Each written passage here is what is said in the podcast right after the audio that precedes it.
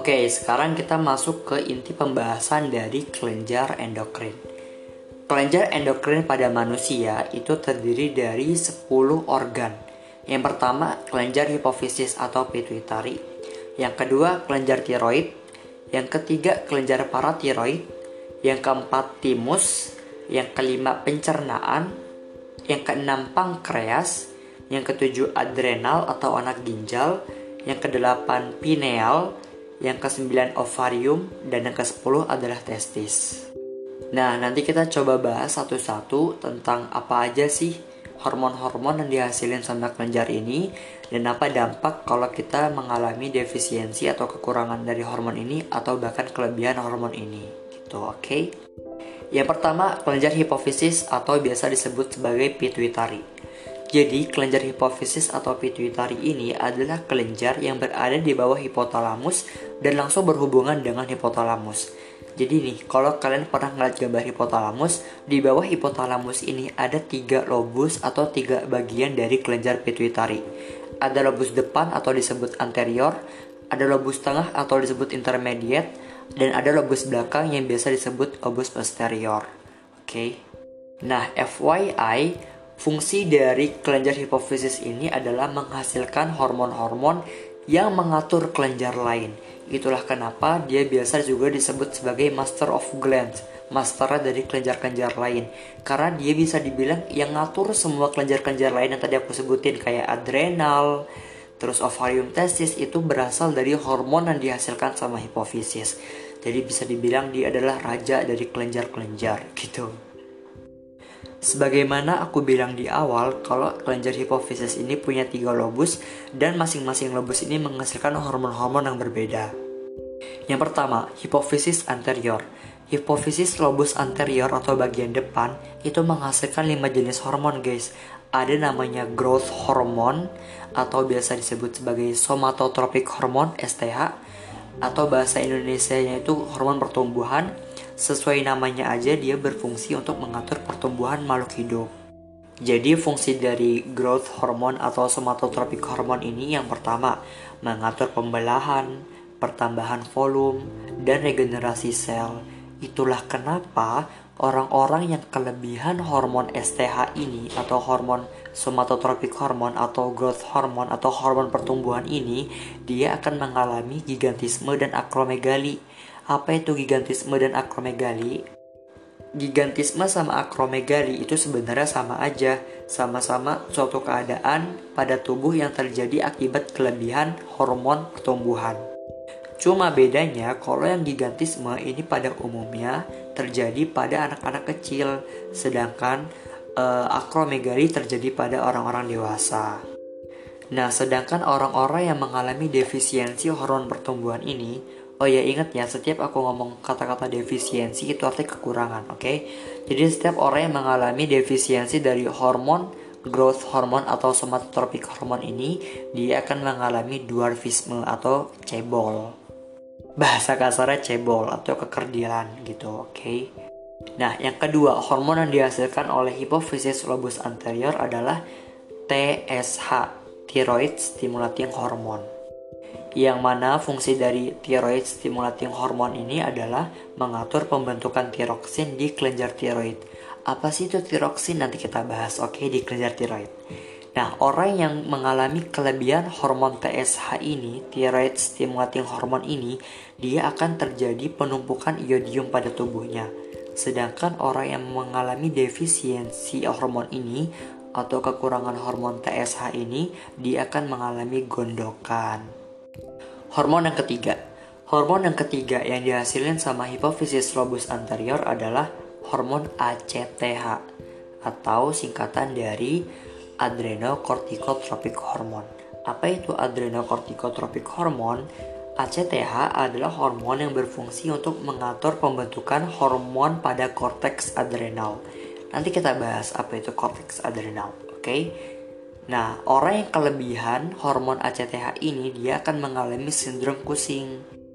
Yang mana sindrom Cushing ini adalah dampak dari kelebihan hormon kortison dengan gejala kelelahan, otot melemah, moon face, merah-merah pada tangan, edema, dan menstruasi tidak teratur. Sedangkan orang-orang yang mengalami defisiensi hormon ACTH ini dia akan mengalami penyakit Addison. Apa itu penyakit Addison? Penyakit Addison itu adalah penyakit akibat kerusakan korteks adrenal yang mempengaruhi produksi hormon kortison dengan gejala kelelahan, nafsu makan berkurang, serta tekanan darah yang rendah. Buat kalian yang nanya-nanya dari tadi, hormon kortison ini apa sih? Tenang aja nanti kita bahas, oke? Okay? Next, Hormon keempat yang dihasilkan oleh hipofisis lobus anterior adalah prolaktin atau biasa disebut laktogenik hormon. Yang mana prolaktin ini berfungsi untuk menghasilkan air susu ibu di akhir masa kehamilan. Jadi, ASI-ASI yang dihasilkan sama ibu-ibu itu merupakan hasil dari hormon prolaktin Itulah kenapa ibu-ibu yang mengalami kelebihan hormon prolaktin maka akan terjadi berlebihnya produksi ASI. Sedangkan ibu-ibu yang mengalami defisiensi atau kekurangan hormon prolaktin maka akan terjadi kurangnya produksi ASI.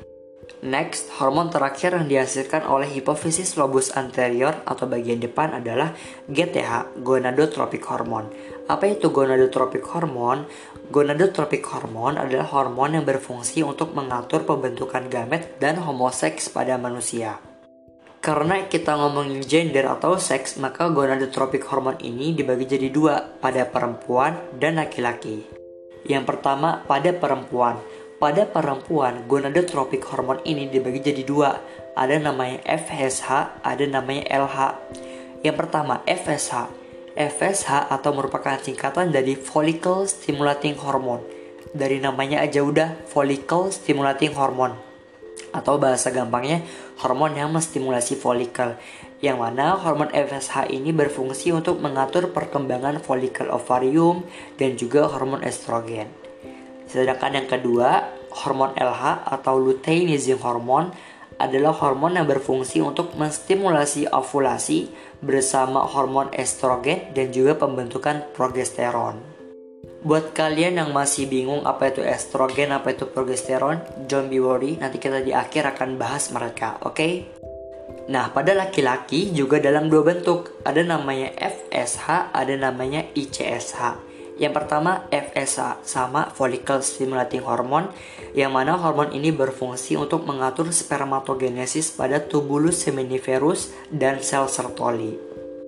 Sedangkan hormon ICSH atau merupakan singkatan dari interstitial cell stimulating hormone adalah hormon yang berfungsi untuk menstimulasi sel Leydig testis untuk menghasilkan hormon testosteron.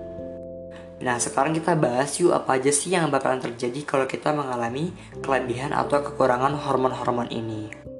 Yang pertama, FSH. Saat kita mengalami kekurangan hormon FSH, baik pada laki-laki maupun perempuan, maka akan terjadi mandul. Oke, okay? sedangkan kelebihannya FSH pada wanita, kelebihan FSH pada wanita menyebabkan kanker atau tumor ovarium. Sedangkan pada laki-laki, kelebihan FSH menyebabkan kanker atau tumor testis. Oke. Okay. Yang kedua, LH pada wanita.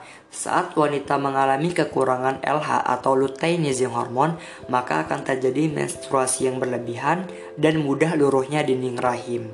Sedangkan saat seseorang kelebihan hormon LH ini, maka akan terjadi terlambatnya menstruasi serta kuatnya dinding rahim. Nah, yang terakhir ICSH, interstitial cell stimulating hormone pada laki-laki. Saat terjadi defisiensi atau kekurangan, maka akan terjadi tidak munculnya ciri kelamin sekunder seperti jakun dan sebagainya. Sedangkan saat kelebihan, maka akan muncul ciri kelamin sekunder secara berlebihan. Gitu, oke? Okay? Sekarang kita masuk ke hipofisis lobus intermediate atau bagian tengah. Hipofisis lobus intermediate atau bagian tengah ini menghasilkan satu jenis hormon yaitu MSH, melanocyte stimulating hormone. Seperti namanya juga melanocyte stimulating hormone, hormon yang menstimulasikan melanosit. Yap, betul banget. Jadi MSH ini berfungsi untuk meningkatkan pigmentasi dengan butir melanin pada kulit. Jadi bisa dibilang hormon MSH ini menyebabkan warna kulit pada tubuh kita. Itulah kenapa orang yang mengalami kelebihan hormon MSH ini maka akan terjadi melanisme. Sedangkan orang yang mengalami defisiensi maka akan terjadi albino. Gitu, oke? Okay? Yang ketiga, hipofisis lobus posterior atau bagian belakang. Nah, lobus posteriornya hipofisis ini menghasilkan dua jenis hormon. Yang pertama ada hormon oksitosin, yang kedua ada hormon ADH atau antidiuretik hormon atau biasa disebut sebagai vasopresin. Yang pertama, oksitosin. Oksitosin merupakan hormon yang berfungsi untuk membantu kontraksi dinding rahim saat kelahiran. Jadi, saat wanita akan melahirkan, maka akan terjadi peningkatan produksi hormon oksitosin Sebagaimana tadi aku bilang bahwa hormon ini berfungsi untuk membantu kontraksi dinding rahim. Oke, okay? itulah kenapa orang yang mengalami kelebihan dari oksitosin ini dia akan mengurangi ekstensibilitas dan elastisitas otot. Sedangkan orang yang mengalami defisiensi maka dia akan uh, terjadi kesulitan dalam melahirkan dan akan menghasilkan ASI. Kok bisa sih saat terjadi kekurangan hormon ini susah melahirkan? Ya bisa dong. Fungsinya aja berfungsi untuk kontraksi dinding rahim. Jadi ketika kekurangan yang membantu untuk kontraksi dinding rahimnya berkurang, jadi berkurang juga dong atau dalam artian kesulitan. Seperti itu. Nah, yang kedua, hormon vasopresin atau hormon ADH. Singkatan dari antidiuretik hormon ini paling sering banget keluar pas UTBK. Jadi, uh, fungsi dari hormon HDAH ini adalah mengatur permeabilitas tubulus dan reabsorpsi air. Bahasa singkatnya, kalau aku jelasin ADH itu adalah hormon yang berfungsi untuk membantu penyerapan air. Ketika tubuh kita memproduksi ADH yang berlebih, maka akan terjadi sedikit urin. Kenapa sedikit urin? Karena air-airnya udah diserap semua sama ADH.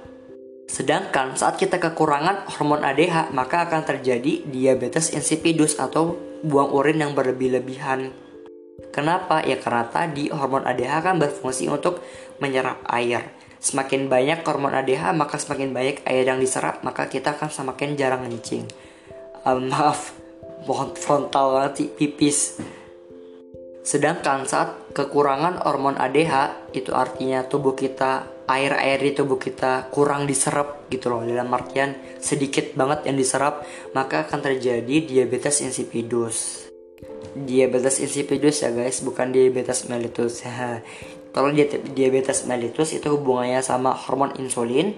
Kalau diabetes insipidus ini hubungannya sama hormon vasopresin mungkin masih ada dari beberapa kalian yang masih suka ketuker insipidus mellitus. Jadi kalau insipidus itu uh, suatu keadaan di mana tubuh kita rasanya mau pipis terus sedangkan mellitus itu beda lagi itu hubungannya sama gula darah oke? Okay? nah selesailah kita pada pembahasan kelenjar hipofisis. Kita ingat-ingat lagi yuk kelenjar hipofisis itu ada berapa dan apa aja hormon yang dihasilkan. Pertama hipofisis lobus anterior. Dia menghasilkan GH atau growth hormone atau somatotropic hormone.